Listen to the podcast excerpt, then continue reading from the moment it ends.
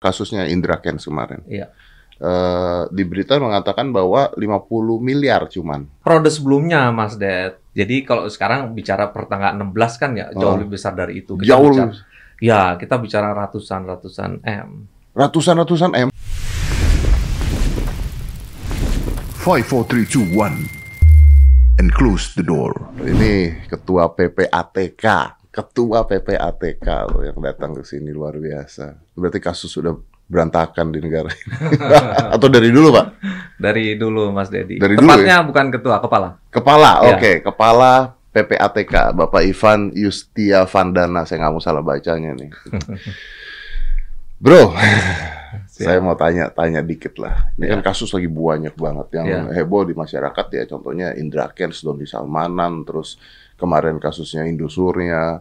Itu yang kelihatan ya. Ya. Yang nggak kelihatan, wah pasti lebih banyak lagi nih menurut saya nih. Nah, eh, tapi sebelum saya ke dilema-dilema itu sendiri, saya dengar kan kemarin di berita-berita para pelaku investasi ilegal afiliator ini di media dikatakan dimiskinkan. Ya. Dimiskinkan nih definisinya apa, Pak? Ya, eh, sebenarnya kalau dimiskinkan itu kan eh, harta kekayaan yang berasal dari tindak pidana itu diambil lagi. gitu. Diambil lagi, Ya, dalam penegakan hukum diambil lagi, disita, Disita. diblokir. menjadi milik negara.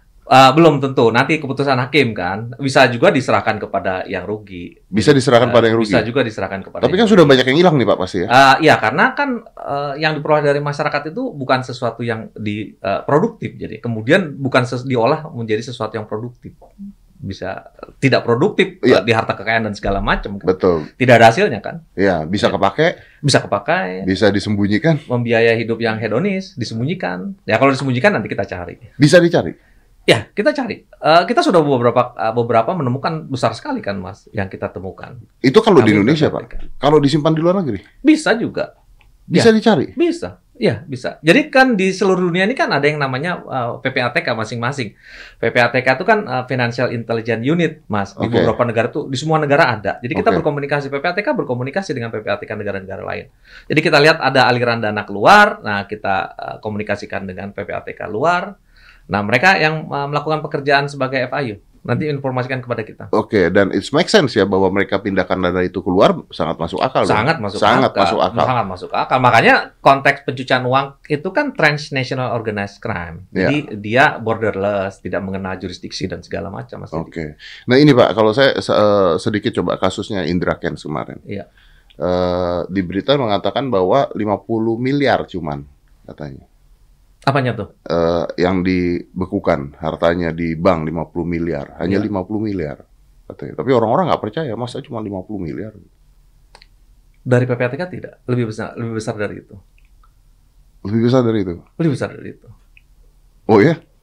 Iya, lebih besar dari itu. Jadi yang di berita 50 miliar tuh bukan? Ya, mungkin itu periode lah, periode sebelumnya, Mas Ded. Jadi kalau sekarang bicara pertanggal 16 kan ya jauh Oh. lebih besar dari itu. Kita Jauh bicara, Ya, kita bicara ratusan-ratusan M. ratusan-ratusan M. Ya transaksi seluruhnya terkait dengan uh, urusan platform ilegal ini aja kan sampai detik ini udah belasan triliun. Belasan triliun. Belasan triliun. Ya. Ini, ini tapi bukan dia dong. Ya, bukan hanya dia. Kalau Ah. belasan triliun kan kalau dibagi 100 orang saja kan bisa dibayangkan berapa ratus miliar per Hmm, orangnya. Berarti nanti masing-masing akan dikeluarkan nggak orang ini berapa, orang ini berapa, orang ini berapa? Iya, iya. Akan dikeluarkan. Uh, sama penyidiknya akan disampaikan. Akan disampaikan. Ah, se- iya, sesuai dengan uh, case by case kan, Mas Den. Oke, karena kemarin saya baca kan 50 miliar yang di eh, di bank dan sebagainya katanya. Iya, Oh, tapi dari PPATK mengatakan bahwa oh lebih dari itu sebenarnya. lebih dari itu, Lebih dari itu. lebih dari itu. Lebih dari itu. Itu enak ya, Pak, jadi afiliator, Pak? Iya enak pada akhirnya kalau menipu gimana? ya enak di depan, nggak enak di belakang. iya sih. Ya namanya begituan ya. iya kan, uang panas kan ngebakar diri sendiri. Kan? Iya betul. Itu satu orang tuh jumlah rekening banyak, Pak. Banyak sekali, Eh, banyak sekali. Satu orang banyak sekali. Ada, ada, ada. eh, bahkan dia bisa menggunakan nama-nama lain untuk mengirimkan uang-uang ilegal tadi kan, Mas Ted. Ya. Untuk ngirimin uang-uang ilegal tadi. Iya, eh, ya dia membeli kendaraan bermot kendaraan mewah dengan menggunakan Ah. nama orang lain, kemudian dia memberikan aset dengan menggunakan nama orang lain, dengan rekening melalui rekening orang lain, bahkan melalui rekening ibunya loh. Rekening ibunya juga. Rekening ibu. Makanya diperiksa juga. Ya, PPATK lakukan analisis. PPATK kan kan follow the money, Mas. Ya, publik memang meng- apa sih PPATK itu gitu ya? Oh. Orang lebih familiar dengan PPATK, pejabat membuat akte tanah kan. Eh, ada kanya ya bonus lah tanah kuburan gitu ya. ya Mas Edi ya. Jadi pejabat membuat akte tanah kuburan gitu. Terus ada lagi orang melihat eh, perusahaan sering familiar dengan ATK kan, alat tulis kantor kan. Oke lah PPATK adalah perusahaan penyedia alat tulis kantor gitu ya. Oh iya iya iya. Tapi iya. itu, itu itu yang terjadi di publik itu. Nah Iya. sekarang muncul kasus seperti ini. Ternyata PPATK urusannya urusannya terkait dengan penipuan apa PPATK itu kan? Tanah kuburan nggak masuk dengan penipuan. iya. Gitu. alat tulis gak Alat masuk. tulis apalagi nggak masuk Iya. gitu. Bener bener. Dia kalau saya tanya nih Pak, jumlah rekening yang udah dibekukan berapa? Nggak bisa dijawab ya karena udah ratusan kali ya. Udah ratusan, udah ratusan. Ah kemarin terakhir eh, kita membekukan 160-an rekening. 160 rekening. 160-an. Ini yang rekening. masuk ke dalam apa nih? yang masuk. Semuanya. Oh iya, yang terkait. Yang di, terkait di kasus apa? di kasus semua. Jadi ada enam platform itu kan. Ada enam platform kan. Jadi enam platform itu eh, di di bawahnya itu ada platform terkait dengan afiliatornya, terkait dengan influencernya, terkait dengan platformnya itu sendiri. Nah, itu semua kita bekukan. Ah, Itu semua kita bekukan. Oke, kalau nah oke ini saya mau tanya nih. Kalau afiliator kan jelas-jelas dia bermain ambil duit rakyat, dia dikena potongan. Dapat potongan, dapat Iya, iya. dapat apa nah istilahnya itu dapat ya bagi hasil Margin. margin Ya, dan katanya sampai 70% katanya. Ya, ada revenue-nya. Nah, tapi banyak juga influencer-influencer yang nggak paham kan tentang misalnya itu binomo tuh apa, ini apa, terus dia dibayar hanya cuma iklanin doang. Iya. Nah, itu gimana? Eh, sepanjang ya, kalau di konteks di pasal 345-nya itu kan setiap orang, setiap pihak yang menerima hasil, yang melakukan transaksi, menerima, Ya. kemudian memfasilitasi uang yang berasal dari hasil tindak pidana kan baik konteks undang-undangnya kan kena pencucian uang gitu ya. Oke. Tapi ada lagi klausul di bawah yang patut diduga atau diketahuinya. Ya kan? oh. Patut diduga atau diketahuinya. Misalnya seseorang ini eh, mu- Dia tahu tahu nggak kalau ini? Tahu lah mungkin gitu ya, karena pertemanan sudah lama. Ya, ya, ya, ya, ya. Pertanyaannya eh, bisnis juga Anda tidak punya, eh, penghasilan harian tidak punya gitu ya. Tapi kita terima 100 juta katakanlah seperti Ya, itu ya, kan. ya, ya. Kepatutan itu sebenarnya sudah datang. Ya, ya, ya. Tapi tidak semua dong artinya. Tidak dong. semua. Karena banyak banget influencer yang dibayar untuk promoin kan banyak banget dan mereka nggak tahu kan mereka dapat Nah, Undang-Undang 8 2010 tidak serta merta Tidak asal serta-merta. ya nyumbang ke mana gitu. Gini loh Mas Dedi, Mas Dedi usaha eh, apa eh, pontang panting kerja keringat Hmm. dan segala macam kan.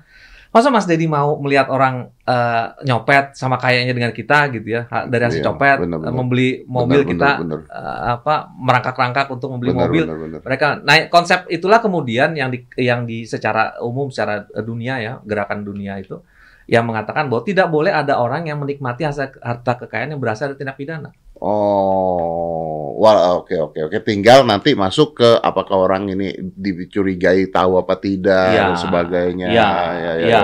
Tapi cuma 150 juta saya balikin tambah gocap lah. Loh, iya dong. Kalau kalau ya. Ending-endingnya uang harus dibalikkan kan ke negara kan? Ah, sebenarnya bukan gitu, Mas. Oh, bukan Eh, gitu. sorry ya, Mas ya. Ini bukan tentang eh, uang dibalikin Eh. kan. Pidana itu kan eh, uang dibalikan kan tidak menggugurkan pidananya toh. Iya iya. Sebenarnya ini kan tentang adanya pencucian uang. Nah, dicucinya ke mana gitu kan? Dicucinya Pertanyaan ke mana? dicucinya ke mana? Loh, berarti kalau misalnya begitu uang ke saya dari saya ke Dewa Kipas uang Oh, itu enggak, ya kepatutannya kan eh, eh, kalau yang berikutnya kan mengetahui dari dari Mas Dedi gitu ya. Ah, ah. Nah, eh, cuma Mas Dedi yang mengetahui dari sumber asalnya toh. Oh, saya tahu dari dia. Ya, misalnya ada orang nyuri, eh, kita tahu nih orang eh, nyuri gitu ya, Ah. dengan enaknya ngomong ngasih ke kita 1 m gitu misalnya, Ah, kita kasih lagi ke orang lain ya, agak akan kepatutannya akan sulit dibuktikan di sisi sini. Tapi Ya, di ya, sisi ya. kita kepatutannya sudah Kita bisa. tahu apa tidak basicnya. Yes, exactly. Waduh. Eh, itu bunyi, oh, itu bunyi. Nah, Mm-mm. saya, saya itu bunyi undang-undang loh ya, saya bukan bunyi eh, kata kepala PPATK. Iya, iya, itu kata undang-undang. Itu Oh, berarti banyak sekali dong Pak yang kena Pak. Yang akan diperiksa. Kalau misalnya Oh, dia iya. nyumbang ke mana-mana terus orangnya buat nyumbang yatim piatu, buat nyumbang apa gimana Pak? Oh ya nggak serta merta begitulah, nggak serta merta begitulah. Artinya eh, penyidik dan kami juga kan eh, bisa berhenti di layer tertentu ya, Iya, iya, iya. di layer eh, layer pertama saja. Lihat-lihat ya. Ya, Iya, iya. Makanya kayaknya kemarin yang dipanggil yang Bareskrim. panggil-panggil tuh Bareskrim tuh kayaknya yang gede-gede deh transaksinya. Itu dulu yang pasti kan. gede-gede, iya. Iya. Nanti kan ada BAP, ada pengakuan. Karena ada yang macam. miliaran, ada yang apa. Ada miliaran, ada ratusan juta, Iya. ada buat memang buat eh, membeli sesuatu lagi, eh, terus kemudian menjual sesuatu kepada tersangka tadi kan, atau bahkan sekedar menjadi sponsor, Iya. ya iya. seperti itu. Uh, banyak banget, Pak. Eh banyak makanya kan makanya eh, eh, di satu orang saja yang Mas sebutkan tadi itu kan transaksinya 9.000 sekian. 9.000 transaksi yang kita yang kita lihat eh, 130 eh, miliaran yang berputar di dalam transaksi yang eh, di dalam satu rekening. Hmm. dalam satu rekening di dalam satu bank Hmm. kita sebut dengan penyedia jasa keuangan bank itu adalah penyedia jasa keuangan Iya. itu 9.000 sekian transaksi kita plototin satu persatu Nah, tapi kalau kayak kasusnya ini eh, Reza Arab. Reza Arab kan eh, gamers lah dia kan. Hmm. Terus pada saat main games dan sebagainya dia dapat sumbangan dari Doni Salmanan satu miliar ya pada saat itu. ya ya kan? Udah dong dia dapat sumbangan dan pada saat itu kita harus mengakui bahwa ya polisi aja belum bergerak ke mereka, nggak ada berita tentang mereka nipu, nggak Iya, ada tadi. berita tentang mereka bohong dan Iya. sebagainya. Siapa siapa yang tahu? ya Taunya mereka eh, pemain saham, taunya kita ya, kan ya, gitu kan. ya, ya, pengakuannya juga begitu. toh. Iya kan? Ya, Pengakuan mereka kan juga, Iya, iya, wah iya. trading Iya, saham. iya, iya, Nah, iya. Dapat nih si Reza nih satu miliar Iya. gitu. Nah, anggaplah uang itu udah habis dipakai kan ya, misalnya Iya. untuk beli komputer misalnya gitu dan Iya. sebagainya. Nah, kalau dia diperiksa gimana, Pak? Eh, diperiksa itu pasti eh, untuk memastikan atau untuk mengetahui kepatutan dia menduga, menduga bahwa ang- uang itu bersumber dari hasil tindak pidana gitu ya, atau mungkin dia menjadi bagian dari eh, sana, siapa pun juga itu ya. Oh, karena bisa jadi bagian jadi pencucian uangnya. Iya, part of, part of the crime-nya itu Ya, konspirasinya kan dicurigai ya. bisa. dicurigai Oh. dong. Dicurigai apakah seseorang ini eh, tahu dengan skema pidana yang terjadi di sana yang menghasilkan uang yang kemudian dia pakai ditransaksikan ke dia dan segala macam kan. Itu Iya. sih eh, proses eh, penegakan hukum di di eh, aparat penegak hukum sih sangat wajar ya Iya, iya, iya. untuk mengklari- mengklarifikasi. Apalagi kalau dari kami kan mutreknya kelihatan nih ke si X, ke si Y dan segala macam. Nah, si X di Y ini akan dilihat.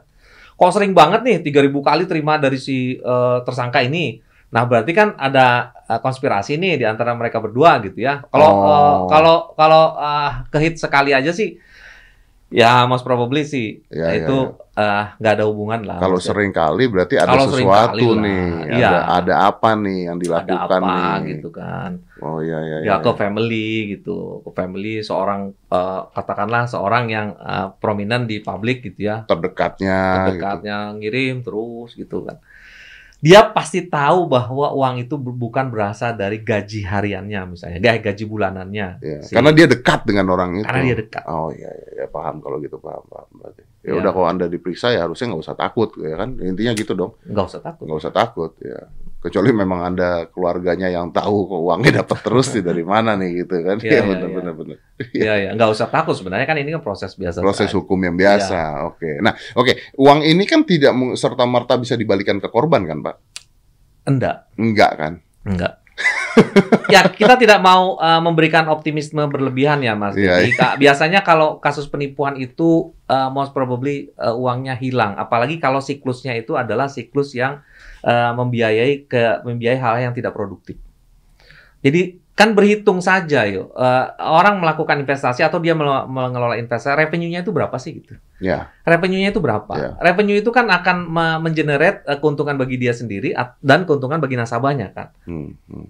Nah, kalau kalau ada margin eh, keuntungan harus diberikan kepada nasabah dan keuntungan harus diambil untuk dinikmati sendiri itu kan pasti kecil marginnya kan. Nggak mungkin dia serta merta tiba-tiba setahun bisa beli eh, segala sesuatunya dia bisa beli mobil-mobil mewah dia bisa beli. Artinya memang tidak ada revenue. Revenue itu adalah uang yang berasal dari eh, eh, publik tadi yang ditipu tadi. Nah itulah eh, pentingnya ma- publik juga memahami ya literasi terkait dengan investasi investasi model seperti ini gitu. ya ya ya, Jadi ya. tidak mudah percaya. jadi maksudnya ketika mereka menggunakan itu untuk hedonisme ya uangnya habis di situ juga Berhenti dong mas. Ingat kasus first travel toh? Iya bener. Eh, Mau gimana mau ngeberangkatin orang haji, orang umroh mohon maaf. Ya uangnya sudah kepake buat mohon maaf beli rumah, beli baju ya. Ini terus gimana? Itu kan ponzi kan? Dia berharap akan mendapatkan nasabah di berikutnya untuk kemudian membiayai eh, atau mengganti kerugian atau bahkan membiayai eh, nasabah yang datang kemudian gitu kan. Eh, yang masa ada datang eh, sebelumnya. Ponzi itu kan gali lubang tutup lubang dia. Iya, iya. Nah, kan tapi ada yang disita tuh banyak sekali yang disita kan. Iya. Nah, itu tidak bisa dibalikan. Bisa dibalikan. Kan pertanyaannya kan eh, jumlahnya cukup Piro. apa enggak itu Pak? Piro gitu kan. Eh, harga pasar juga kan Mas Zed. Oh, Beli mobil atau beli rumah harga pasarnya eh, 10 M ya besok mungkin apalagi bekas harta tindak pidana. Dan ini nggak menutupi ya, misalnya seperti kemarin heboh juga kasus Indosuria misalnya. Ya. Wah, berapa triliun, tapi yang ketemu baru berapa triliun. Nggak menutupi juga bahwa memang ada harta-harta yang disembunyikan dan nggak ketahuan. Bisa dong, Pak? Bisa banget. Bisa banget. Bisa banget. Bisa banget. Ya harta tidak ketahuan ya contohnya misalnya eh, kasus 1MDB di eh, Malaysia saja kan segitu banyak itu kan nggak nggak semuanya sekian ratus triliun itu kan tidak semuanya terrecover kan. Ada kapal yang nyebrang ke Indonesia angkanya satu triliun nilai intrinsik kapal tadi kan ya Ya hilang udah ya. ya hilang. Ya memang Memang begitu. iya mas. Ya rep- dia kan nggak muter dia bukan bukan sesuatu yang produktif. Bukan dibisniskan gitu ya. Iya, kita beli mobil dijadikan angkot kan ada penghasilan gitu kan. Iya. Ah, dari angkot itulah kemudian kita bisa dapat penghasilan kan. Nah, kalau enggak, Ya, Ah. berhenti di sana ya. iya yang yang bisa disita kan kemudian mobilnya, Ah, mobil mewahnya, supercarnya, terus dijual toh. ya. Ya kan, ini dijual tuh direbutin sama 100 ribu orang gimana ceritanya? Berarti uang akan dibalik menjadi milik negara. Ah, ya bisa menjadi milik negara dan bisa eh, di- eh, diserahkan kepada yang rugi. Bisa diserahkan pada yang rugi. Ya bisa. Ah, Oke, oke, oke, oke, oke. Ah, Tahu nggak Pak, ini negara mana aja sih yang biasanya bisa buat ngumpetin uang, Pak? Di kasus ini saja itu kan ada beberapa negara ya Mas ya kita kita kita paham lah ada yang namanya eh, tax haven countries. Betul. Nah di negara-negara itulah. Jadi di di kasus ini kan kita di Seychelles, di eh, Karibia, di British Virgin Island kan kita ketemu. Ketemu. ketemu. Turki gitu? Eh, Turki enggak ya? Enggak. Ya saya eh, listnya itulah Eh, apa listnya kurang kurang paham lah Mas. Oke, Iya. oke, oke. Tapi memang ada ya caranya Iya. seperti itu berarti ya. Iya, iya. Oke. Ini ini saya tuh menarik ini. Eh ke- kenapa orang-orang masih Ya tapi susah sih saya mau nanya kenapa orang-orang masih bisa ketipu kayaknya memang di waktu yang tepat di saat yang tepat ya untuk orang-orang bermain seperti ini ya. Iya, karena mungkin sedang Pandemi. pandemi, ya memang kemajuan teknologi informasi yang la- lagi lagi dahsyat-dahsyatnya sekarang kan, ya kan. Iya. Ya satu hal mungkin ya Mas, eh, kita jangan apa, kalau kami di PPATK kan tidak hanya fokus terkait dengan kasus eh, hal seperti ini ya Mas ya.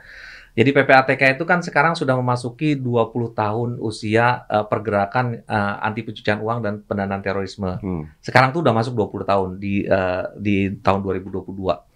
Ya kan banyak sekali eh, kasus yang sudah kita recover, kemudian kasus yang sudah kita ungkap, kemudian kerugian negara yang sudah eh, berhasil dikembalikan ya. Eh, jadi upaya-upaya PPATK itu sudah luar biasa banyak. Nah, eh, sekarang yang yang lagi eh, kita yang menjadi quick win PPATK eh, quick win gerakan anti pencucian uang nasional ini Mas, itu terkait dengan green financial crime. Nah, ini Apa ini itu? baru baru kali ini saya nyatakan ke publik nih eh, adanya green financial crime. Green financial crime itu adalah eh, kita melihat ya banyak hasil-hasil tindak pidana yang eh, berasal dari eh, apa sumber daya alam seperti itu yang kemudian dicuci di eh, sistem keuangan Indonesia yang kemudian eh, terjadi tindak pidana pencucian uang. Jadi tindak pidana pencucian uang yang berasal dari eh, apa eh, pembalakan liar misalnya, illegal fishing misalnya, illegal mining misalnya, seperti itu Mas. Nah, itu luar biasa besar. Kalau secara secara secara internasional tuh eh, puluhan miliar US dollar tuh. Dan kita juga eh, marak. Jadi kan narasinya itu kan eh, Pak Presiden mencanangkan green economy ya.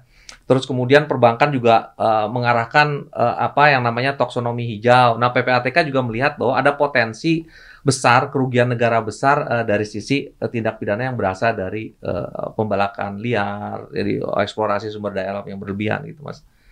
Itu yang yang sekarang harus kita jaga benar, Mas. Kalau ini kan sudah kalau kasus-kasus yang sekarang ini kan memang terjadinya tuh sudah tahun 92 pun sudah ada kasus seperti ini. Ya, di oke di di kasus apa pun itu eh, sampai yang hal yang Bapak katakan tadi Green barusan financial crime. green financial crime Ya, atau kasus investasi dan sebagainya. ya. Ini menurut saya pasti ada mafianya dong, ada orang kuat ya dong di belakang ini semua, yang membangun sistemnya, yang membangun apa semuanya.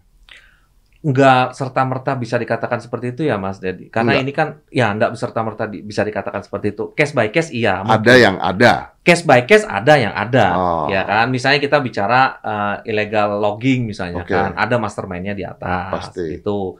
Kemudian uh, bahkan uh, kalau kita bicara kasus katakanlah kasus uh, tax evasion, tax avoidance uh, atau narkoba bahkan seperti itu. Oh iya iya iya. Perdagangan orang, ya kan? Terorisme. terorisme. Nah, itu bisa ada. Tapi uh, dia meng- eh, eh, orkestrasi ini diatur oleh satu atau dua orang itu uh, Belum tentu. uh, belum tentu dan, Tapi, dan- tapi kalau pemilik utamanya gimana? Kayak misalnya kasus binomo, apakah dicari eh, pemiliknya siapa? Oh iya iya pasti. Ya, Karena pasti, tracknya kan bisa ketahuan kan dari mana pasti bisa uangnya dan ketahuan. sebagainya Pasti kan bisa ketahuan. kan? Ya, pasti bisa ketahuan. Ya konteks eh, eh, kita konteks dua dekade eh, dua dekade gerakan anti pencucian uang dan pendanaan terorisme ini kan konteks bersama, Mas. Jadi kan bekerjanya kan bersama. PPATK tuh sekarang per jamnya menerima 50 ribu eh, laporan per jam, 50 ribu transaksi yang dilaporkan ke kami di PPATK. Jadi muatan di dalam transaksi itu sudah sudah sudah sudah banyak eh, kasus-kasus yang bisa langsung diungkap oleh sistem keuangan kita. Ya. Oke. oke. Bayangin Mas, 50 ribu trans 50 ribu transaksi dilaporkan kepada PPATK yang terjadi sekarang ini. PPATK sudah men-storage lebih dari satu miliar data sekarang ini. Wow. Lebih dari satu miliar data. Ya. Jadi memang kan kita punya yang namanya si pesat ya. Uh, jadi uh, kita simpan uh, seluruh uh, data data uh, nasabah kita. Misalnya X itu punya uh, apa tercatat di uh, di apa di bank mana saja, Hmm. di asuransi mana saja itu ada datanya di kita. Jadi kita bisa langsung. Ini, ini tadi Bapak ngomong nih saya tertarik nih. Sorry Yang saya potong Pak. Bapak Ya. saya tertarik dengan PPATK juga melacak eh, uang untuk bantuan terorisme Ya, ya, kita malah punya desk khusus buat itu. dari Indonesia. Dari Indonesia.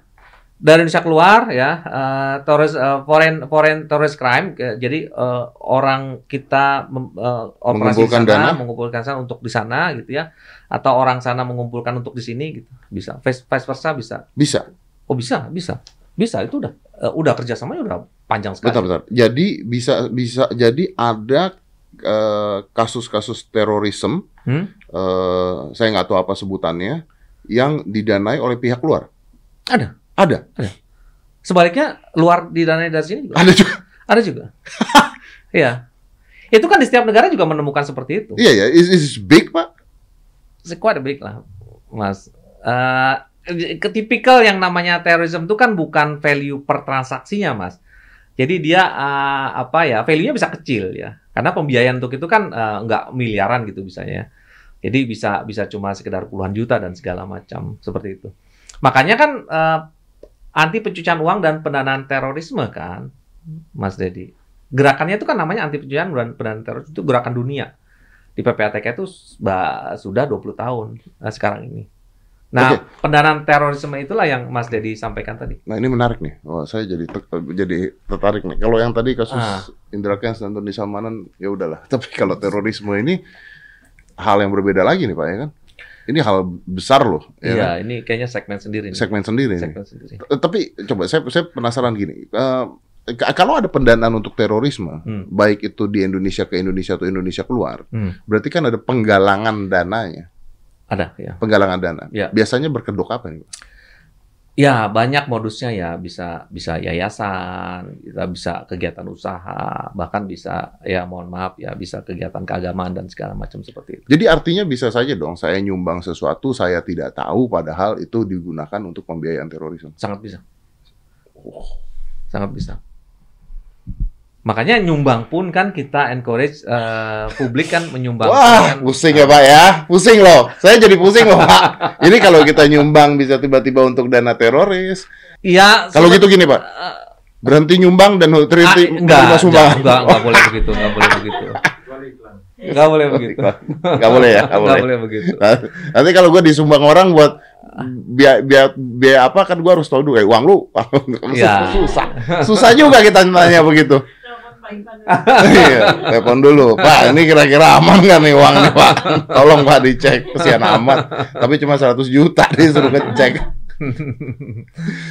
iya tapi jadi ya, gimana dong pak kalau saya sebagai masyarakat bertanya. Nah sekarang kalau saya mau nyumbang suatu saya nggak tahu itu ke mana. Kalau saya dapat sumbangan saya nggak tahu tuh duit dari mana. Masa saya tahu dia akan nyumbang orang dia ngaku-ngaku kaya udah saya sindir-sindir loh pak padahal.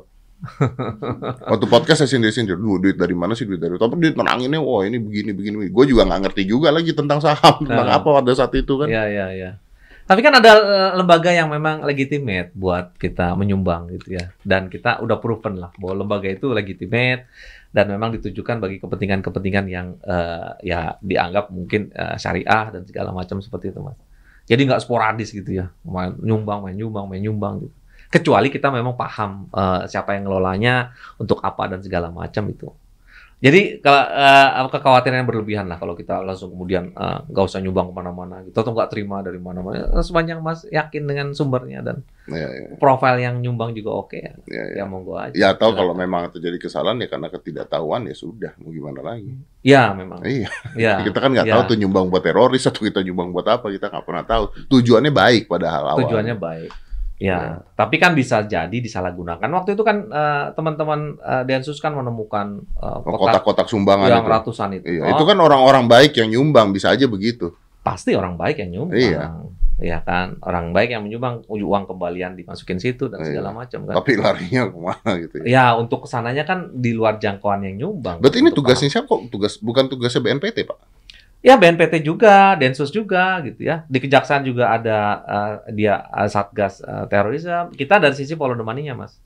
You, you- oh, Anda follow the money-nya. Follow the money-nya. Where the money come from, where the money goes. Iya, iya. Illicit Gaten ini dari ke mana eh, eh, masuknya gitu, habis ini lari ke mana gitu. Nah, itu PPATK. Nah, dari situ PPATK eh, ke BNPT eh, atau BNPT menanyakan PPATK atau Densus menanyakan PPATK atau PPATK ke Densus 88 gitu. Oke, pencurigaan pertamanya, pencurigaan pertamanya dari kepolisian, Densus atau PPATK bisa meng- bisa PPATK bisa. bisa. Bisa. Proaktif namanya. Kita bisa proaktif, bisa reaktif. Reaktif itu eh, eh, aparat penegak hukum eh, minta data Lapor. kita, ya. Kita selidiki. Iya, eh minta dong nama ini eh, tolong selidiki Oke. eh, uangnya. Nah, Oke. Kita reaktif Oke. kan, Eh, proaktif eh, kita cari sendiri. Ini Udah. kayaknya aneh nih gitu. Ini kayaknya aneh gitu ya dari profil transaksinya aneh gitu ya. Ah kok kok ah, ada ini eh, apa transaksi seperti ini aneh. Bisa PPATK begitu. bisa banget. Dan banyak yang PPATK lakukan hal itu. Banyak banget. 20 tahun PPATK banyak banget, Mas. Kalau ditanya banyak udah ribuan yang kita kita lakukan seperti itu. Contohnya misalnya Mas Edi. Eh, ada yang mengkamuflasekan dengan toko bunga lah misalnya gitu ya. Toko bunga. Ini Toko bunga to- kan toko bunga. toko bunga Ini kan? contoh bohongan. Con- Atau beneran ada kamuflase toko bunga? ya ada lah gitu ya. Nggak mau, ada Toko bunga. ada nggak dulu. Eh, ya ada ya. Ada? Ada. Toko bunga, Pak. Toko bunga. Toko bunga. Oh, punya toko bunga atau Mas Edi? Enggak. Tapi saya punya teman yang punya toko bunga. Saya mulai curiga dengan dia. enggak lah. Saya enggak mau. Oke. Dia punya toko. Toko Oke. Toko bunga terus toko bunga kan seasonal kan. Toko bunga itu Thanksgiving eh, banyak Bener, itu, Natal lagi banyak Natal ini, lagi. Lebaran banyak ini dan segala macam gitu lebaran, kan. lebaran nggak ngirim bunga, lebaran ngirim bunga. Ada lah Lebaran ngirim bunga misalnya gitu ya. paket. Paket, paket. apa? Valentine, Valentine, bunga tuh ya. laku tuh bunga, ya. Eh, eh, New Year's Eve Ya. gitu. Tapi ini April tinggi gitu ya? Enggak, ya tetap aja konstan. Eh, 50, 50 juta, 50 juta, 50 juta, 50 juta. Mau season apa juga 50 juta, 50 juta, 50 Aneh. juta, 50 juta. Aneh. Nah, ternyata- Oh, ternyata bunga bong. Bu, ah, ternyata buat nyuci uang. Buat nyuci uang. Buat nyuci uang. Nah, itu buat nyuci uang. Bikin bikin seperti itu. Banyak sekali ya kamuflase dengan kegiatan usaha, kamuflase dengan eh, apa lembaga-lembaga eh, yang legitimate gitu ya. Tapi ternyata revenue-nya tidak ada tapi buat nyuci uang gitu. Oh. Gitu, Mas. Itu common lah di mana-mana juga seperti itu. Sekarang itu 20 tahun APU PPT eh, Indonesia itu dulu zaman saya masuk tuh orang masih nyuci di rekening dia, Mas. Di Indonesia. Terus eh, tahun ketiga itu orang mulai nyuci di kerabatnya. Tahun keempat sudah mulai nyuci di eh, nomini dia. Tahun kelima sudah mulai nyuci di eh, sistem apa di eh, pasar modal yang lebih sophisticated dan segala macam. Tahun keenam dia sudah eh, ke luar negeri. Nomini itu apa? Nomini itu eh, boneka. Boneka maksudnya? Eh, ya nomini itu orang yang dipinjam KTP-nya gitu ya. Oh, oke oke oke oke. Nomini itu orang yang dijadikan boneka bagi eh, transaksi tertentu. Kan ada beneficial owner ya. Beneficial owner Oh, berarti itu dia penerima dapat manfaatnya. bagian. Dia dapat bagian, dia dapat komisi. bagian. Atau bahkan tidak dapat bagian sama sekali. Pinjam KTP staff, eh, staffnya yang catat di bank, nanti dia eh, pecuci di eh, staff tadi itu gitu ya. Seperti itu. Oh, oh, oh, kayak gue pernah pinjam KTP lu aja, oh, oh, oh. Iya. Pinjam KTP staff lu, oh gitu. Hah? Ada apa? Ada yang pernah denger. Ada yang pernah dengar? Tapi kan gua nggak pernah pinjam KTP lu, kenapa lu yang oh? Oh, nanti saya Nah, ini dicurigai. kayaknya Tuh, kan, PPATK mencurigai saya nih jadinya gara Anda oh tadi. Penggiringan opini. Penggiringan opini. Oh. Oke, Pak. Tapi coba ya saya pengen tahu dari yang Bapak sudah 17 tahun kan di PPATK ya kan? 17 tahun ya. 17 tahun, Pak. Iya. Alhamdulillah. What is the most mind blowing case, Pak? Pada saat saya menemukan eh, seorang bapak eh, mencuci di anaknya Dan anaknya nggak tahu gitu maksudnya. dan anaknya ya tidak bisa menghindar eh, dari klausul eh, kepatutan mencurigai tadi dan anak- anaknya akhirnya kena Aduh, cucian uang juga. kesian banget. Ya. Disuap oleh pelaku eh, apa pidana gitu ya. Bapaknya hanya eh, pegawai biasa gitu. Terus uangnya dialirkan ke eh, ditransfer ke anaknya ini. Di dia eh, si bapak itu minta ngasih rekening anaknya ke pelaku pidana tadi gitu. Nah, uang itu ditransfer ke ke anaknya yang lagi kuliah itu Anaknya tahu tapi. anaknya harusnya tahu bahwa itu bukan hasil eh, Ya karena tidak masuk akal tadi kan. tidak masuk akal tadi dan eh, kena kan Waduh. kasus dulu misalnya kasus eh, oknum di perbankan yang menipu orang segala macam kan suami sirinya yang kena Hmm. dibelikan Ferrari suami Oh sirinya iya iya iya. ya siapa coba suami sirinya kan eh, Iya, iya, kena eh, suami sirinya masih muda kan suami siri Yang di masih penjara. muda itu kan, ya karena- berondong. karena saya nggak tahu berondong apa enggak karena eh, mencuci uang kan kemudian di penjara Suaminya juga kena. Itu di- suaminya di penjara sih? Penjara juga. penjara dong si A si A itu di penjara ya itu juga kan dibelikan mobil sport mewah dan segala macam kan cucian uang Jadi Anda melihat apanya, Pak? Kedekatannya berarti. maksudnya hubungan di antara orang itu kan? Iya, berarti melihat apa kedekatannya? ya melihat eh, ini eh, korelasi di antara biasanya kan kita lihat ke misalnya ya dalam membangun kasus kan kita lihat di kartu keluarga. Terus kita lihat eh, di profil masing-masing orang ini. Dia kita lihat di alamatnya apakah punya alamat yang sama. Kita lihat di apa data transaksinya dan segala macam gitu. Nanti kan ke teman-teman di kepolisian yang akan membuktikan eh, apa keterkaitan di antara eh, mereka-mereka ini Itu nggak bisa dibalikin aja duitnya. Gak bisa dong. Pengembalian uang pidana, pidana. kan pengembalian uang pidana kan tidak menggugurkan pidananya kan, Tidak menggugurkan pidananya. tidak menggugurkan pidananya. Apalagi pencucian uang kan. Ini bukan tentang eh, mengembalikan uang, tapi ini ada tentang eh, ada uang hasil pidana yang kemudian dicuci gitu. Itu mas. Jadi memang tidak tidak selesai dengan mengembalikan uang. Bisa saja kalau penegak hukum eh, mengatakan bahwa tidak ada eh, pengetahuan ya, sedikit pun dari orang tadi itu, ya kembalikan juga kan banyak di kasus korupsi kan banyak yang dikembalikan juga kan, Iya, iya. yang di KPK gitu. Ya kalau dia nggak tahu ya. ya, ya kalau dia nggak tahu.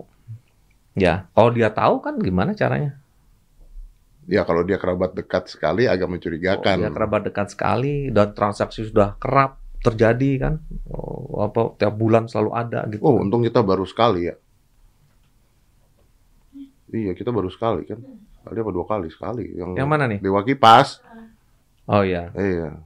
Ya kalau Mas paham kan eh, sumbernya dari mana, kemudian Mas juga beranggapan bahwa itu pidana kan? Iya. Ya kalau paham kan. Ya kalau paham, Iya benar. ya kan? Ya cuma Mas yang tahu paham apa tidak. Iya benar, benar, benar, benar, benar. Ya Iya. kalau paham artinya kita tahu tuh dari nipu orang ya kita kena juga gitu kan. Iya, iya, iya.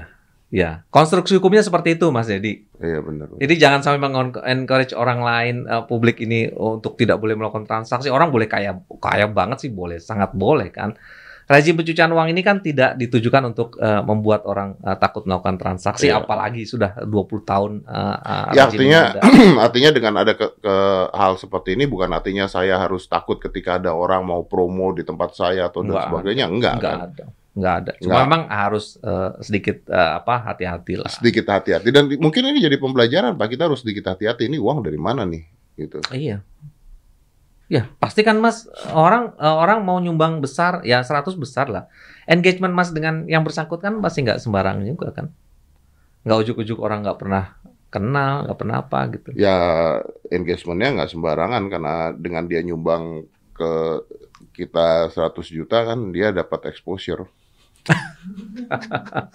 iya Di dong. sini. Iya, iya dong. ya kan Mas dia tanya kan sumbernya dari mana? Oh, sumbernya dari mana segala macam kan sambil nanya kan gitu kan. Ya, pada saat itu kan kita nggak nanya pak orang kita taunya dia pemain saham Iya. satu Indonesia taunya pemain saham.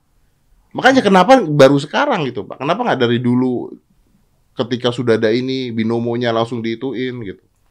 Ya terkait dengan license dan segala macam itu bukan bukan di ranah PPATK ya. Ah, itu kan di eh, bisa di OJK Betul. segala macam. Tapi kemudian terkait dengan eh, apa eh, eh, mengikuti orang ini transaksi dan segala macam memang PPATK. Jadi transaksi keuangan mencurigakannya sudah sudah panjang, sudah lama gitu ya, sudah ada. tapi kan oke sekarang gini, kalau di kasus saya sih ya udahlah saya mah tidak ada masalah juga kalau dijadikan saksi dan sebagainya Hmm. ya udah nggak ada masalah. Tapi kan ada orang-orang yang bisa berasumsi dengan lah kemarin ini orang udah pamer-pamer kekayaan dan sebagainya sebagainya kita sebagai rakyat juga kita nggak tahu kalau dia palsu apa enggak kepolisian belum bergerak apa nggak bergerak ya kita anggap dia bener dong. Kan Hmm. bisa aja orang kaya gara-gara main trading. Ya bisa banget, bisa kan? Bisa banget, ya kan. Tapi jangan kemudian eh, narasinya adalah eh, penegakan hukum, penegakan penegak hukum itu pasti tahu sejak awal. Bisa jadi dalam kasus tertentu bisa tahu sejak awal kan. berarti bisa jadi rakyat ketipu saya termasuk ketipu penegak hukum pun ketipu di awal Ya, se- secara umum, secara common sense, eh, semua orang merasa bahwa sesuatu eh, ini adalah sesuatu yang eh, normal normal, ya kan? Ah.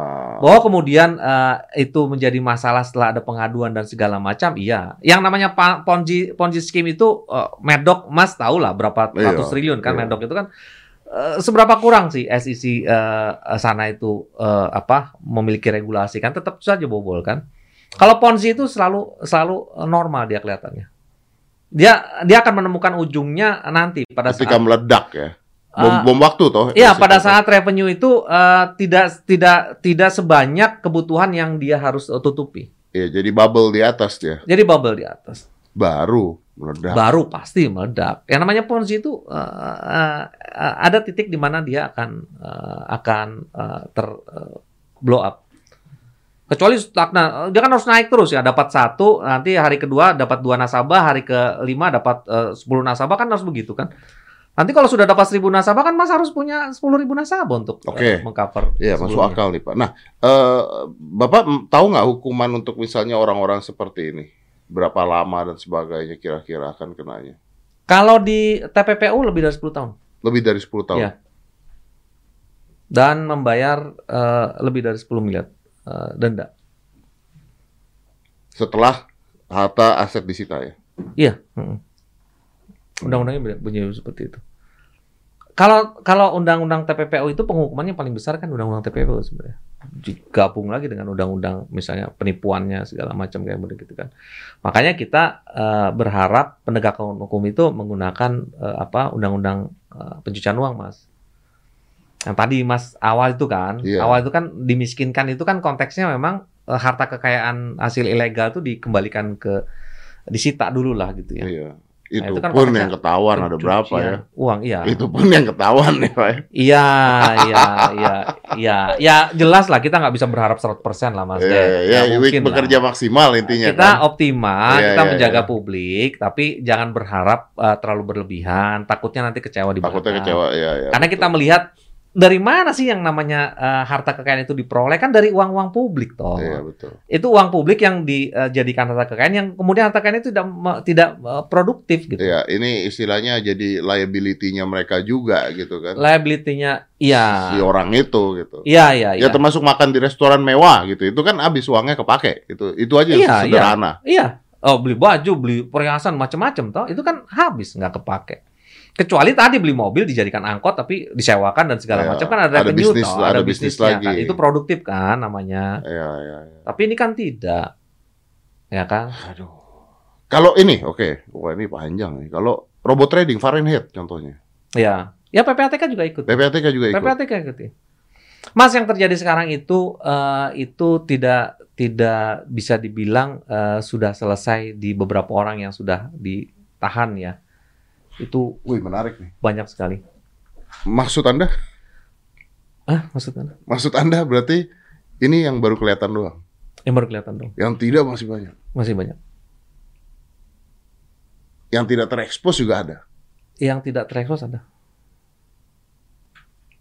Iya dong. Iya. Iya. Aduh. Ya sama, yang tidak terekspos kan banyak. Kasusnya kan tidak berhenti di sini saja.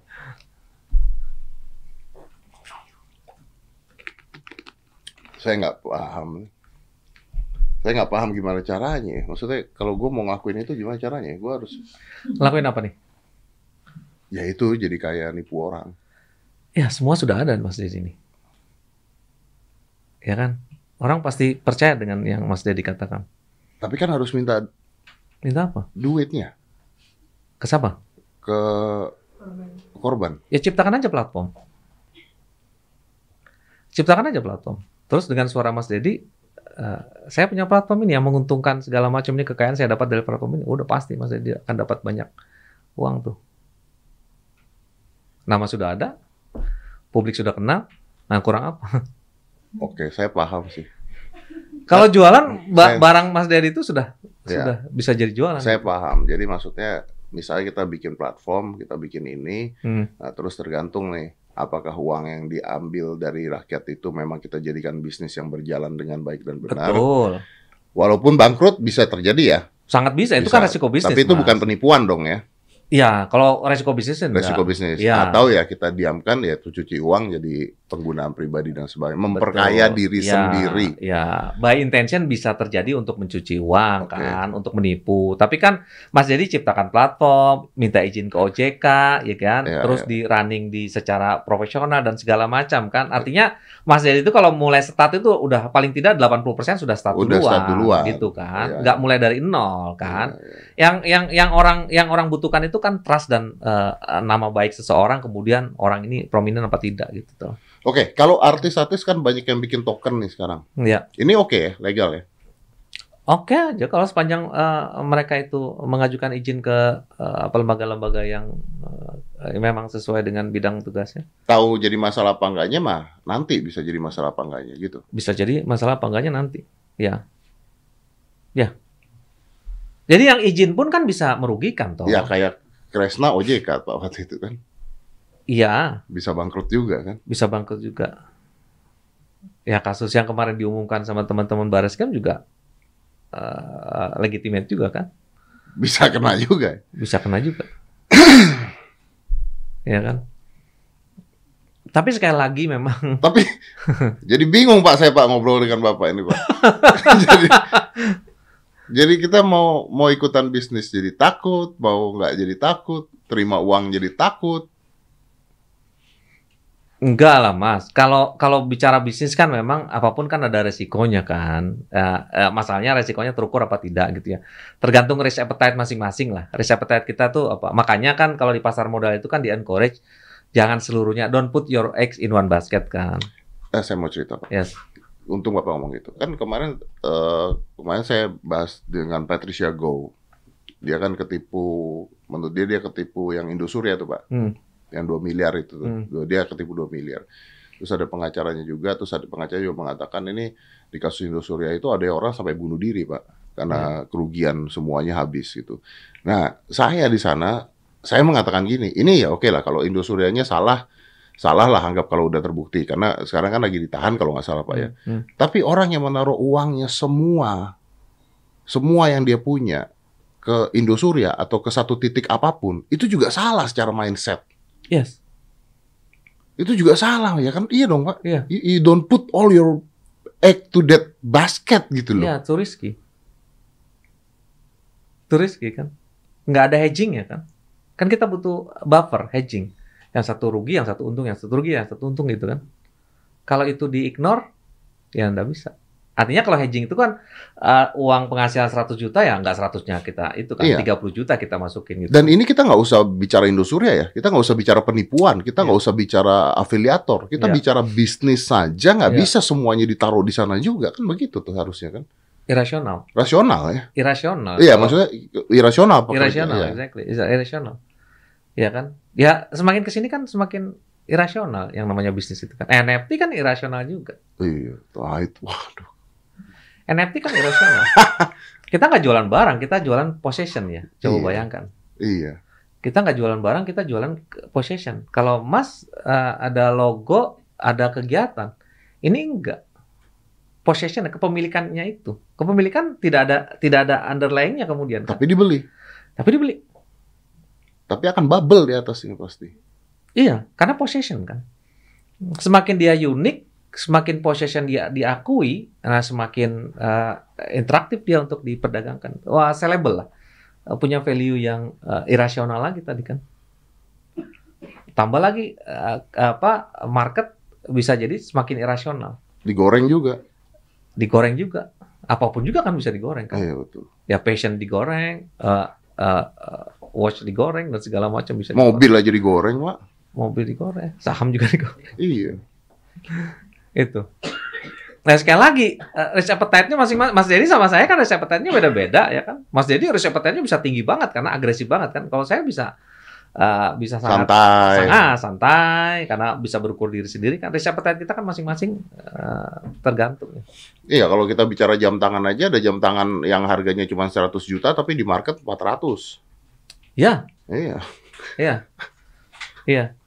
Tapi ya nggak apa-apa, nggak ada masalah. Tapi itu masih ada barangnya setidak-tidaknya Masih ada masih, masih ada barangnya, Iya, benar. iya. Iya.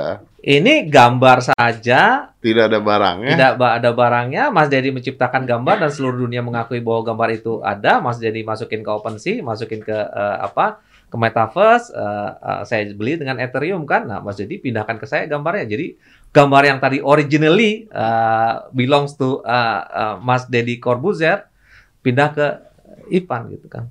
Sebuah kebanggaan kan bagi Ivan kan. So you bought pride, I bought pride, ya. The uniqueness-nya. the uniqueness, pride. Yes, pride. It's all about my ego. It's all about my ego. Because I have my own ego, saya kuasa itu. Dan sebenarnya itu bisa menjadi permainan bisnis ya. Bisa menjadi permainan bisnis, bisa menjadi permainan para pelaku pencucian uang. Ciptakan sendiri barangnya, beli sendiri, dijual sehingga dia jadi legitimate kan? Kalau Bapak ngomongnya begitu, artinya eh, kripto, bitcoin dan sebagainya bisa buat taruh uang pencucian uang dong, Pak. Sangat bisa dong. Sangat bisa. Sangat amat bisa. National Assessment yang dibikin penilaian resiko nasional sebagai kewajiban Indonesia untuk dibuat eh, dibikin tahun 2013 dikeluarkan tahun 2015 itu sudah mengatakan yang namanya Bitcoin itu menjadi salah satu eh, emerging threat bagi eh, Indonesia. Eh, ancaman yang akan berkembang bagi Indonesia. Pada saat itu saja sudah ada pulau yang dijual dengan Bitcoin, sudah ada villa yang dijual dengan Bitcoin, sudah ada benda mewah yang dijual dengan Bitcoin di Indonesia. Bahkan sudah ada ATM Bitcoin di Indonesia. Sudah ada ATM bitcoin. Sudah ada ATM Bitcoin di Bali. Saya baru tahu tuh. ATM Bitcoin di Bali. You have your own uh, Bitcoin, Wallet, ada walletnya gitu. kan, walletnya kalau- gitu ya. Dan Mas mau tukar dengan uang konvensional kan di ATM-nya tadi. You can change it to cash. Change to cash uh, atau bahkan beli uh, kopi dan segala macam kan sudah menggunakan Bitcoin macam-macam kan. Itu perkembangannya kan sedemikian gitu. Makanya sekarang itu di 20 tahun uh, usia anti pencucian uang dan pendanaan terorisme itu memasuki lim, uh, 5.0 money laundering, money laundering 5.0. Orang sudah uh, uh, revolusi industri 4.0 ya. Uh, sekarang sudah masuk PUBG dan segala macam. Ma- Money laundering juga sudah masuk ke 5.0. Menggunakan artificial intelligence, augmented reality dan segala macam. Nah, ini terbukti dengan kasus-kasus yang sekarang ini kan. Berarti kerja Anda makin sulit ya. Iya, dengan bantuan dengan bantuan Mas Dedi dan teman-teman di publik ya, akan semakin ringan kan. Ya, Ya untuk menjelaskan untuk menjelaskan. Iya. Nah, Begitu terjelaskan orang semakin aware kan. makin sema- ah. Makin aware, tidak buka rekening sendiri, eh, tidak mau dipinjam. Mas Dedi minjem eh, rek- eh, rekening dari mbaknya ini kan, wah enggak, nggak mau, Eh, karena sudah paham bisa dipakai buat abuse kan, kan meringankan kan. Nah, coba kasus-kasus korupsi yang lama itu coba, supir kena, tukang kebun kena, Mm-mm. staf kena, Mm-mm. anak kena kan, orang nggak kena kena, dipinjam KTP-nya, kasih 300 ribu, eh, bukain KTP, eh, kasih eh, dia berapa ratus ribu, Itu kesian loh Pak. Iya memang. Kan karena ketidaktahuan. Ya makanya peran eh, Mas Dedi di acara seperti ini itu kan luar biasa. Daripada kami di PPATK ngomong mana-mana kan bisa jadi orang jenuh juga mendengarnya kan. Ya kan kalau lembaga-lembaga seperti eh, kita gitu kan ah berat sekali materinya. Begitu Mas Dedi yang Ya. ngomong Ya, ya, ya. Ya, sosoknya- orang lebih lebih lebih inilah lebih lebih kesebar lah ya pesan-pesannya lebih kesebar. selain lah ya. lebih tersebar itu eh, lebih menimbulkan inilah eager ingin tahu gitu. Oke Pak, sekarang Ya, gini siap. deh. Saya mau balik lagi nih Pak ke kasusnya Reza Arab, ke kasusnya siapa lah misalnya Arab, eh, Rudi Salim yang jual mobil kemarin Hmm. ke Doni Salmana atau Indra Kents ya? Ah, Arif Muhammad. Arif Muhammad juga, Pak Rudi Salim juga ke Indra Kents. Saya dikasih eh, sponsor buat eh, hadiahnya eh, catur. Oke. Kalau next time ada kejadian seperti ini lagi, apa yang harus kita curigai dulu? Apa yang Harus kita harus curigai. dicurigai? Karena ini akan terjadi lagi loh Pak. Saya Ya. akan dapat sponsor lagi dan saya nggak tahu itu uang sponsornya dari mana. Ya, se- sebenarnya kalau dari sisi eh, contoh misalnya kalau dari dealer mobil dulu ya sebelum Oke. lari ke Mas Dedi ya. Ah. Kalau dari dealer mobil kan dari dealer mobil itu kan ada kewajiban bagi mereka untuk melaporkan kepada PPATK. Kewajiban bagi mereka untuk menerapkan yang namanya prinsip mengenal nasabah. Prinsip Oh. mengenal pengguna jasa. Pengguna jasa itu kan pembeli mereka itu. Ya, ya, ya. Nah, mereka wajib meng- mengenal pengguna jasanya itu siapa dan pengguna jasa wajib mempresent dokumen-dokumen legitimasi terkait dengan sumber dana. Misalnya nih si si X gitu ya eh, out of nowhere datang ke dealer mobil Hmm. membeli eh, katakanlah 3 miliar mobil gitu ya. Dibayar cash itu wajib dilaporkan kepada PPATK. Wajib. Wajib dilaporkan kepada 500 juta itu wajib dilaporkan kepada PPATK. Siapa pun juga yang melakukan transaksi 500 juta itu wajib dilaporkan kepada PPATK. Lah, misalnya saya beli mobil, Mobil wajib kemarin tuh Ah. wajib dilaporkan kepada PPATK. si penjualnya dong, JHA-nya wajib lapor kepada kita. si penjualnya kan? Iya, Oh iya, iya. berarti kemarin saya beli mobil tuh dilaporkan ke Laporkan PPATK. kepada PPATK. Oh. Jelas. Ini jelas. Wajib dilaporkan kepada PPATK. Ya, ya. In case dia tidak lapor, Bisa ter- kena. terjadi pelanggaran kepatuhan pelaporan kepada PPATK. Oke. PPATK itu adalah lembaga pengawas dan eh, apa? Lembaga pengawas bagi eh, apa pihak pelapor yang eh, Oke. dealer mobil dan segala Ini macam. dealer mobil. Ya, Oke. pela- lembaga pengawasnya adalah PPATK. Oke. Sekarang kasusnya Arif Muhammad, dia bukan dealer mobil, dia mau jual mobil. Ya, Terus tiba-tiba si Doni Salmanan ini yang beli. ya. Ah, itu gimana itu, Pak? Kalau eh, kalau partikelir gitu ya, itu eh, bisa tidak eh, apa bisa tidak melaporkan, ya bisa tidak melaporkan. Tapi kalau Mas Dedi tanya apakah orang yang melakukan penjualan eh, apa apa pun ya dengan nilai yang eh, fantastis besar dan segala macam bisa kena pencucian uang, jawabannya pasti bisa dengan eh, Undang-Undang 8 2010 kan. Kembali lagi tadi, apakah dia patut Dicurigai apa tidak? patut mengetahui atau eh, apa menduga lah bahwa uang ini misalnya gitu ya ya ya misalnya eh, orang nih kok eh, dia paham bahwa orang ini profilnya segitu-gitu aja gitu tapi tiba-tiba mobil dia dibeli mobil Mas Dedi lah dibeli Ya, 2 m gitu Tapi that's the point sih, Pak. Cara nipunya mereka itu luar biasa. kenapa Karena mereka membangun profile di awal seakan-akan mereka orang kaya raya. yes Itu. Iya. ya kan? Iya. Nah, kita kan ngelihat mereka di sosial media, ngelihat mereka di mana ini orang kaya raya banget, punya duit Iya. banget dari usaha sendiri, dari apa sendiri. Iya. Itu dibangun kan akhirnya. Kan. Image kemudian terbangun. Betul. Jadi Dan ketika ada kemudian orang percaya. beli mobil ya, ya memang ini orang punya duit, image-nya dibangun. Karena sosial media kan bisa ngebangun image, Pak, sebenarnya. Bener banget. Iya. Orang yang bukan sapa-sapa menjadi eh, seseorang yang high profile gitu ya. Iya. Padahal hasilnya dari hasil-hasil penipuan dan segala Iya. macam. Saya kemarin bicara dengan Pak eh, Renat Kasali sama sama eh, Tom McKevel juga ahli bisnis ekonomi gitu. Hmm. Dia mengatakan bahwa sekarang aja foto di jet pribadi aja ada studionya kok. Iya.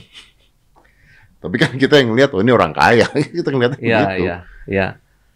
Ya, PPATK sering melihat eh, masuk ke medsos-medsos orang ya. Kita masuk ke medsos orang, kita lihat dan segala macam ini pekerjaan biasa saja lah. Eh, Karena kalau di publik kan isu-isunya kan banyak ya. Kita belajar dari open source lah eh, semua. Nah, kemudian kita lihat eh, transaksi keuangannya dan segala macam.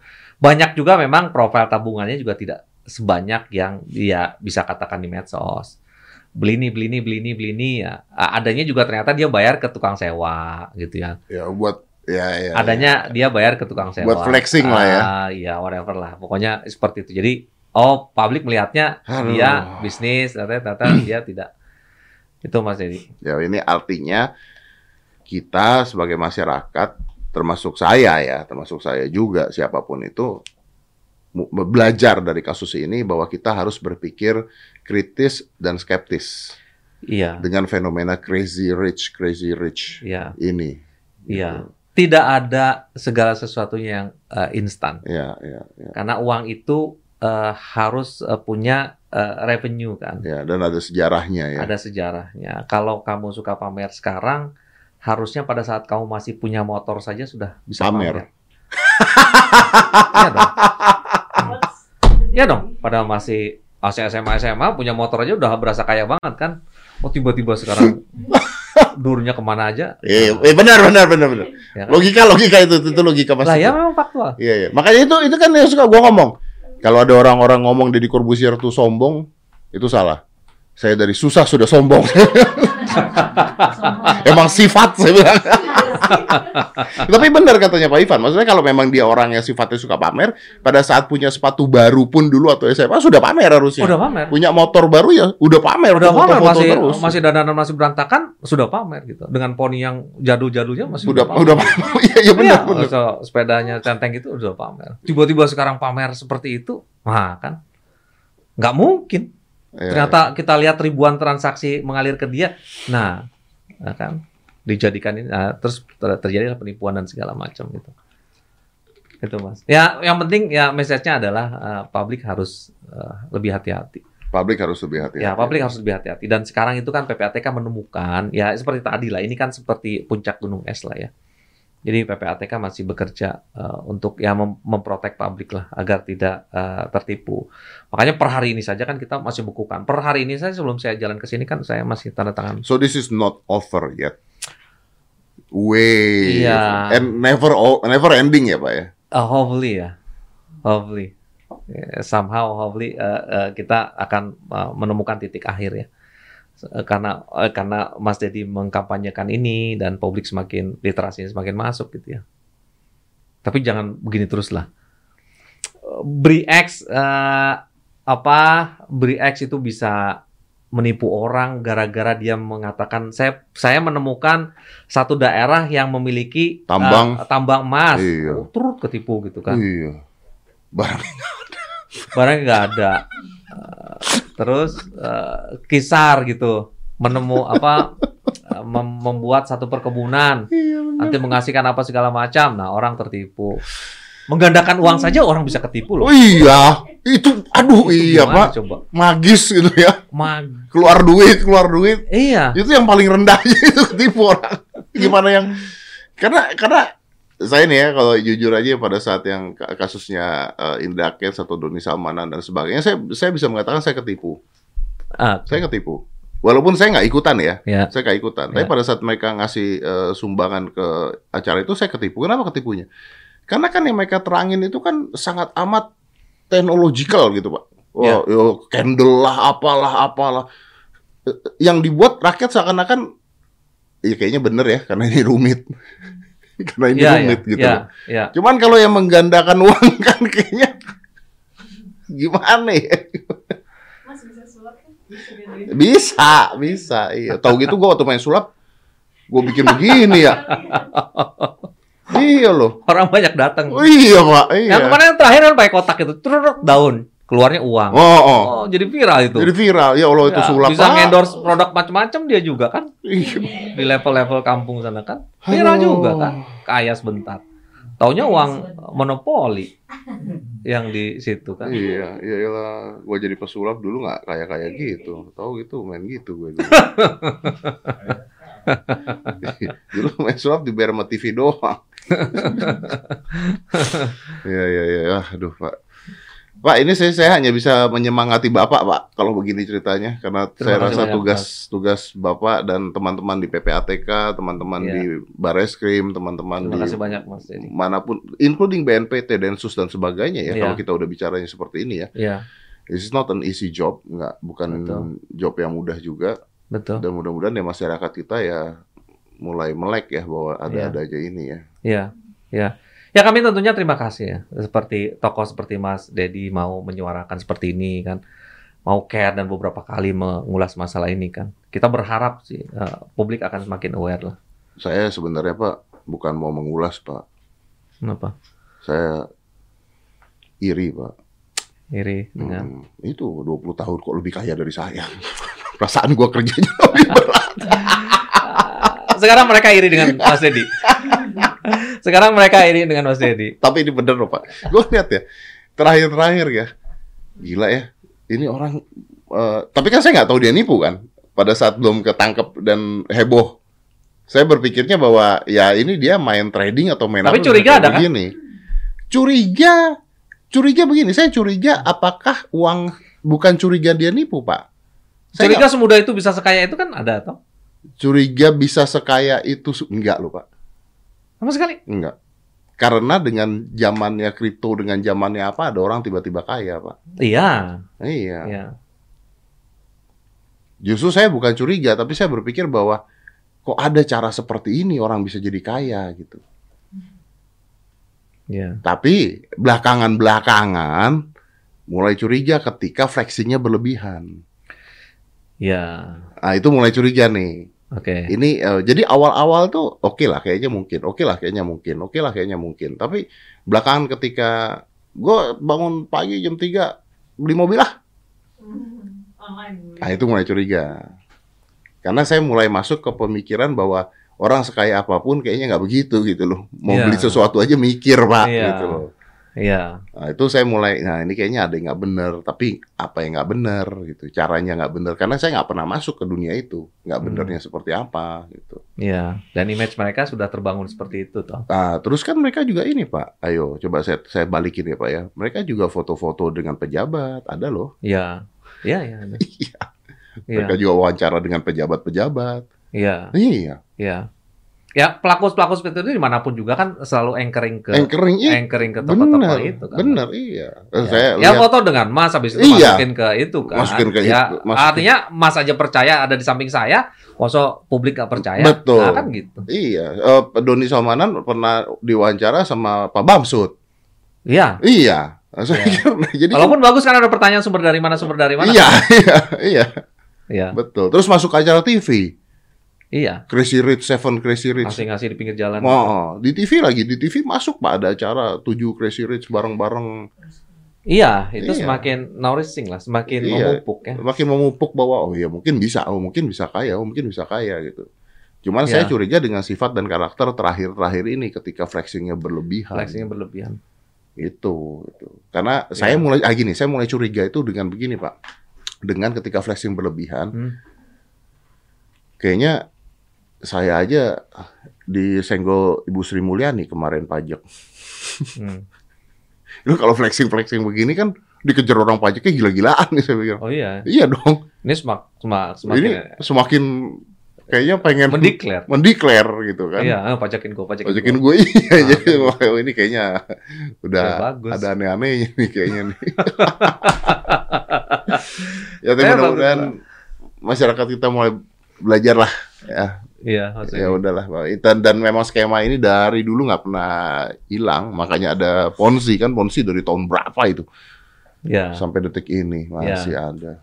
Ya dulu tidak ada uh, teman-teman seperti Mas Dedi lah. Sekarang sudah ada, mungkin bisa lebih uh, uh, kita lebih, Lebih menghindari lagi. menghindari. Tapi Iya. dulu juga tidak ada sosial media yang bisa mengangkat. Iya. mereka Tapi kan sosial media bad side, uh, good side kan good side betul. pasti akan betul. lebih banyak. Berarti good side-nya harus kita terusin good ya, Pak. side. ya? Ya seperti Mas Dodi, good side-nya kan akan lebih diteruskan lagi. kan. Betul. Aduh Pak, terima kasih Mas banyak ya Pak. Ini pencerahan sekali, sangat Kami amat. Buat saya banyak, ini Mas. sebuah pencerahan sekali. Jadi masyarakat juga bisa tercerahkan. Ini langsung loh dari kepala, kepala ya Pak ya, kepala PPATK. Kepala ya? PPATK. Dari kepala PPATK-nya yang bicara nih, yang lagi ngurusin uang lari ke mana, ke mana, ke mana, ke mana. Waduh. Ini kesian kerjanya karena ngurusin uang ke mana-kemana, tapi bukan uang dia. Kayak teller bank. ngurusin uang orang ke mana? Nggak apalah. Tapi buat negara lah Pak ya. Insya Allah Mas Buat terima kasih negara, banyak. Pak, terima kasih banyak ya Apa Pak ya, ya. Sukses banyak, terus, sehat Terima terus kasih Pak, ya, sehat terus dan tetap eh, bekerja untuk NKRI kita. Terima kasih banyak Mas Dedi. Terima kasih banyak Pak. Terima kasih. Sehat selalu. Mas Dedi. Thank you ya. Pak. Let's close this. 5, 4, 3, 2, 1. And close the door.